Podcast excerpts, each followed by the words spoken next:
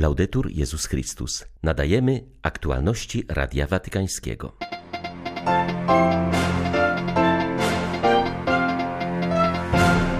Jutro papież zostanie wypisany ze szpitala. Dziś odwiedził chore dzieci na oddziale onkologicznym.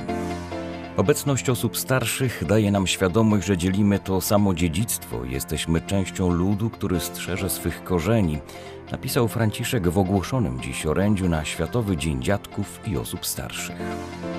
Schodząca woda odsłania bezmiar zniszczeń, potrzeby są ogromne, mówią wolontariusze, którzy pomagają na zalanych terenach w okolicach Hersonia. 15 czerwca wita Państwa Krzysztof Bronk. Zapraszam na serwis informacyjny. Przebywający jeszcze w klinice Gemelli papież myśli już o powrocie do Watykanu. Wypisanie go ze szpitala w najbliższych dniach zapowiadał wczorajszy komunikat lekarski. Dziś potwierdzono, że stanie się to jutro rano. Przed południem Franciszek spotkał się z dyrekcją kliniki oraz złożył wizytę na oddziale onkologii i neurochirurgii dziecięcej. Oddział ten znajduje się na dziesiątym piętrze kliniki Gemelli i sąsiaduje z papieskim apartamentem. Wizyta najmłodszych pacjentów stała się już stałym elementem każdej hospitalizacji Ojca Świętego. Można się więc było spodziewać, że i tym razem nie powróci on do Watykanu, zanim nie odwiedzi małych sąsiadów. Tym bardziej, że tuż po operacji dzieci napisały do papieża list z życzeniami powrotu do zdrowia i namalowały dla niego obrazki. Dziś Franciszek miał okazję podziękować im za te wyrazy dziecięcej serdeczności. Papież pozdrowił osobiście małych pacjentów, rozmawiał z nimi i chętnie przyjmował kolejne obrazki. Każdemu przekazał różaniec i książkę. Pozdrawiając obecnych, podziękował całemu personelowi medycznemu za profesjonalizm i wysiłki na rzecz złagodzenia cierpienia innych nie tylko za pomocą leków, ale także dzięki czułości i ludzkiej postawie. Jak podaje watykański komunikat, wczoraj wieczorem Ojciec Święty zjadł wspólnie kolację z wszystkimi, którzy pomagali mu od chwili przyjęcia do szpitala. Dziś rano jako wyraz wdzięczności przyjął cały zespół operacyjny. Papież podjął decyzję w sprawie arcybiskupa Georga Gensweina, byłego prefekta domu papieskiego i wieloletniego sekretarza osobistego papieża Benedykta XVI. Jak informuje biuro prasowe Stolicy Apostolskiej 28 lutego bieżącego roku, arcybiskup Genswein skończył swoją posługę prefekta domu papieskiego. Ojciec Święty nakazał mu powrót do rodzimej diecezji. Obecność osób starszych daje nam świadomość, że dzielimy to samo dziedzictwo i jesteśmy częścią ludu, który strzeże swych korzeni. Napisał papież w ogłoszonym dziś orędziu na Światowy Dzień Dziadków i Osób Starszych. W tym roku przypada on 23 lipca, a zatem tuż przed Światowym Spotkaniem Młodych, Franciszek apeluje do młodzieży, by przed wyjazdem do Lizbony odwiedzili swych dziadków, zaś starszych ludzi prosi, by towarzyszyli młodym modlitwą. Oba wydarzenia łączy też obrany przez Franciszka temat. SDN koncentrują się na postawie Maryi, która po zwiastowaniu udaje się z pośpiechem do swej starszej kuzynki Elżbiety, by pomóc jej w ostatnich miesiącach ciąży. Natomiast temat Dnia Dziadków to słowa zaczerpnięte z Magnifikat modlitwy, którą wypowiada Maryja podczas spotkania z Elżbietą, jego miłosierdzie z pokolenia na pokolenie. Franciszek zauważa, że to ewangeliczne wydarzenie pokazuje nam, iż Bóg błogosławi każdemu owocnemu spotkaniu między pokoleniami, on pragnie, aby jak Maryja z Elżbietą młodzi radowali serca starszych i czerpali mądrość z ich doświadczeń życiowych. Nade wszystko zaś chce, abyśmy nie pozostawiali osób starszych samym sobie, abyśmy nie spychali ich na margines życia, co niestety zdarza się dziś nazbyt często. Pan ufa, dodaje papież, że młodzi spotykając się z nimi przyjmą wezwanie do pielęgnowania pamięci i rozpoznają w nich dar przynależności do większej historii. Przyjaźń osoby starszej pomaga młodemu człowiekowi nie sprowadzać życia do teraźniejszości i pamiętać, że nie wszystko zależy od jego zdolności. Z kolei dla osób starszych obecność osoby młodej otwiera nadzieję, że to, co przeżyli, nie zostanie utracone, a ich marzenia zostaną zrealizowane. Dlatego Franciszek zachęca, by młodzi i starsi nie pozbawiali się nawzajem swego towarzystwa. prosząc osoby starsze o modlitwę za młodych, a w szczególności za uczestników SDM, zapewnia, że oni są odpowiedzią Boga na ich prośby, owocem tego, co zasiali, znakiem, że Bóg nie opuszcza swego ludu, ale zawsze go odmładza. Jeszcze mamy czas na napisanie nowego rozdziału pokoju w historii. Możemy uczynić tak, żeby wojna należała do przeszłości, a nie do przyszłości. Napisał papież w tekście przeznaczonym dla spotkania Rady Bezpieczeństwa Narodów Zjednoczonych, poświęconego ludzkiemu braterstwu, podkreślając, iż właśnie braterstwo stanowi drogę do pokoju. Franciszek zapewnił o swym wsparciu i modlitwie na rzecz wszelkich inicjatyw oraz projektów pokojowych. Odczytane wczoraj przez arcybiskupa Paula Gallaghera, szefa watykańskiej dyplomacji przesłanie, nawołuje do odrzucenia egoizmu, trybalizmu i nacjonalizmu. Współczesny zglobalizowany świat zebrał nas wszystkich jeszcze bliżej siebie, ale nie uczynił nas coraz bardziej braćmi. Przeciwnie, cierpimy na głód braterstwa płynący z wielu sytuacji niesprawiedliwości, ubóstwa, nierówności, a także z braku kultury solidarności.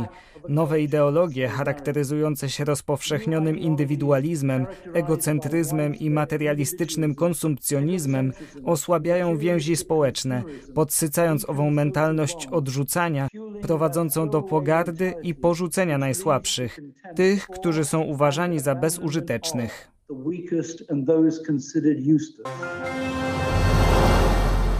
Przed wyjazdem do Hersonia wolontariusze obowiązkowo muszą założyć kamizelki kuloodporne i hełmy. Niesienie pomocy na zalanych przez Rosjan terenach odbywa się cały czas pod ostrzałem, a w tle wciąż słychać dźwięki eksplozji. Schodząca woda odsłania bezmiar zniszczeń, potrzeby są ogromne, mówi Radiu Watykańskiemu Marzena Michałowska. Wraz z wolontariuszami i dominikankami z Fastowa niesie pomoc powodzianom, ryzykując przy tym własnym życiem. Dominikański Dom Świętego Marcina de Porres w Fastowie ruszył z pomocą do Hersonia, jak tylko miasto zostało wyzwolone z trwającej wiele miesięcy okupacji. Rosjanie zostawili po sobie ogrom zniszczeń materialnych i ludzi żyjących w skrajnej biedzie.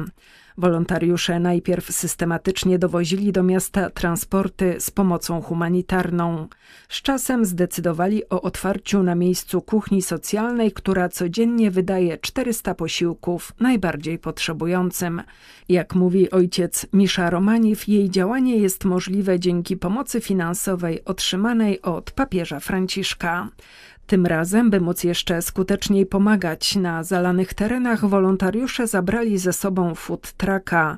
Polska wolontariuszka wskazuje na ogrom strat. Domy są zrujnowane, ludzie stracili wszystko.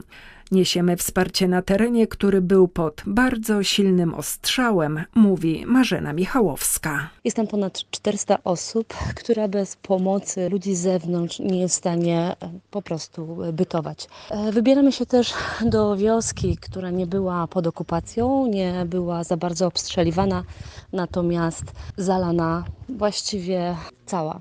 To, co tutaj spotykamy, rozmawiamy z ludźmi, z wolontariuszami zaprzyjaźnionymi z nami, to usłyszeliśmy rzeczy niesamowicie przykre. Nie spodziewaliśmy się takiej ilości historii bardzo, bardzo trudnych. Gdy woda opada, pozostają pozostałości po powodzi. To ludzkie ciała, szkielety zwierząt, to wszystko to, co niesie za sobą woda. Ludzie w nocy nie zdążyli się ewakuować. Szczególnie porażające są widoki ciał dzieci. Właśnie przed chwilą mogli Państwo usłyszeć ostrzał artyleryjski. Jesteśmy tutaj, żeby pomagać, jesteśmy tutaj, żeby wspierać tych ludzi. Pomoc jest bardzo potrzebna. Po drodze widzieliśmy mnóstwo jadących tutaj tirów z wodą. Ona jest bardzo, bardzo potrzebna. Leki, środki do oczyszczania wody. Wolontariusze pracujący tutaj i służby bardzo dbają o to, żeby w miejsca, gdzie są zagrożenia epidemiologiczne, nie trafiali ludzie bez potrzebnego sprzętu. Potrzebne są pompy do miejscowości, gdzie wciąż stoi woda. Potrzebne też jest takie wsparcie duchowe, więc jeżeli ktoś do tego, do kogo, w kogo wierzy, może westchnąć za tymi ludźmi, będziemy Wam też bardzo, bardzo wdzięczni. Z głębokim przejęciem Ojciec Święty przyjął informację o zatonięciu statku z migrantami na wodach międzynarodowych na zachód od greckiego Peloponezu. Na pokładzie mogło znajdować się od 500 do 700 osób, około 80 na pewno straciło życie. Papież przesłał telegram na ręce nuncjusza apostolskiego w Atenach. Zapewnia w nim o modlitwie za zmarłych oraz o siłę, wytrwałość i nadzieję dla ocalałych, a także tych, którzy niosą im pomoc. Wczorajsze wydarzenie wstrząsnęło Grecją, gdzie ogłoszono trzydniową żałobę narodową. Władze określają zatonięcie największą taką tragedią w historii kraju. Według danych podanych przez agencję Reutera łódź zmierzała do Włoch. Tajemnica Chrystusa w katechezach Jana Pawła II. Kapłan na wzór Melchizedeka.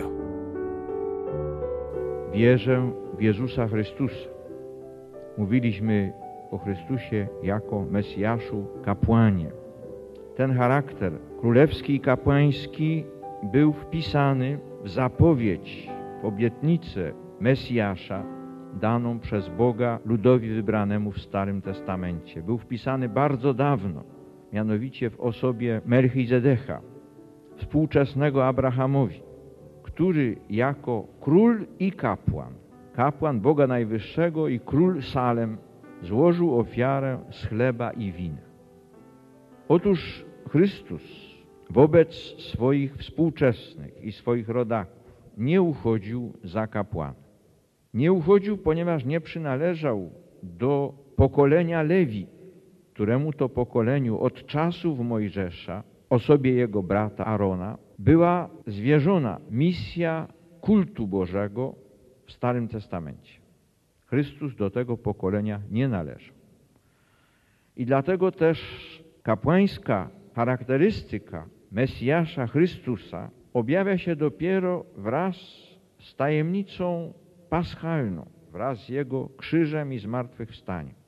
A świadkiem tego objawienia kapłaństwa Chrystusa Mesjasza jest przede wszystkim autor listu do Hebrajczyków. Tam bowiem w sposób niesłychanie głęboki stwierdza on, że Chrystus jako najwyższy i jedyny kapłan nie przez krew wołów i cielców, jak składano w Starym Testamencie ofiary, ale przez własną swą krew wszedł do wiecznego przybytku, niosąc odkupienie dla wszystkich ludzi. Jego kapłaństwo jest wieczne, powszechne. Jego kapłaństwo jest według obrządku Melchizedecha, a więc nie w linii pokolenia Lewi, ale w tej o wiele starszej zapowiedzi z Księgi Rodzaju w osobie kapłana króla Melchizedecha Chrystus potwierdza jako Mesjasz swój charakter kapłański. Jest on tym, o którym mówi także psalm, dobrze znany nam z nieszporów. Rzekł Pan do Pana mego swym głosem łaskawym i tak dalej, gdzie na końcu wyraźnie autor psalmu, psalmista stwierdza, Tyś jest kapłanem na wieki wedle obrządku Melchizedecha. I to kapłaństwo wedle obrządku Melchizedecha zostało potwierdzone przez Chrystusa w ustanowieniu ofiary nowego przymierza, która jest ofiarą pod postacią chleba i wina. Ale pod tymi postaciami ofiaruje On sam siebie, swoje ciało i krew, tak jak tego dokonał Wielki Piątek na Kalwarii. To jest to jedyne i wieczne kapłaństwo, którym zrealizowała się ostatecznie misja, posłanictwo Mesjasza, Chrystusa Mesjasza. Były to aktualności Radia Watykańskiego. Laudetur Jezus Chrystus.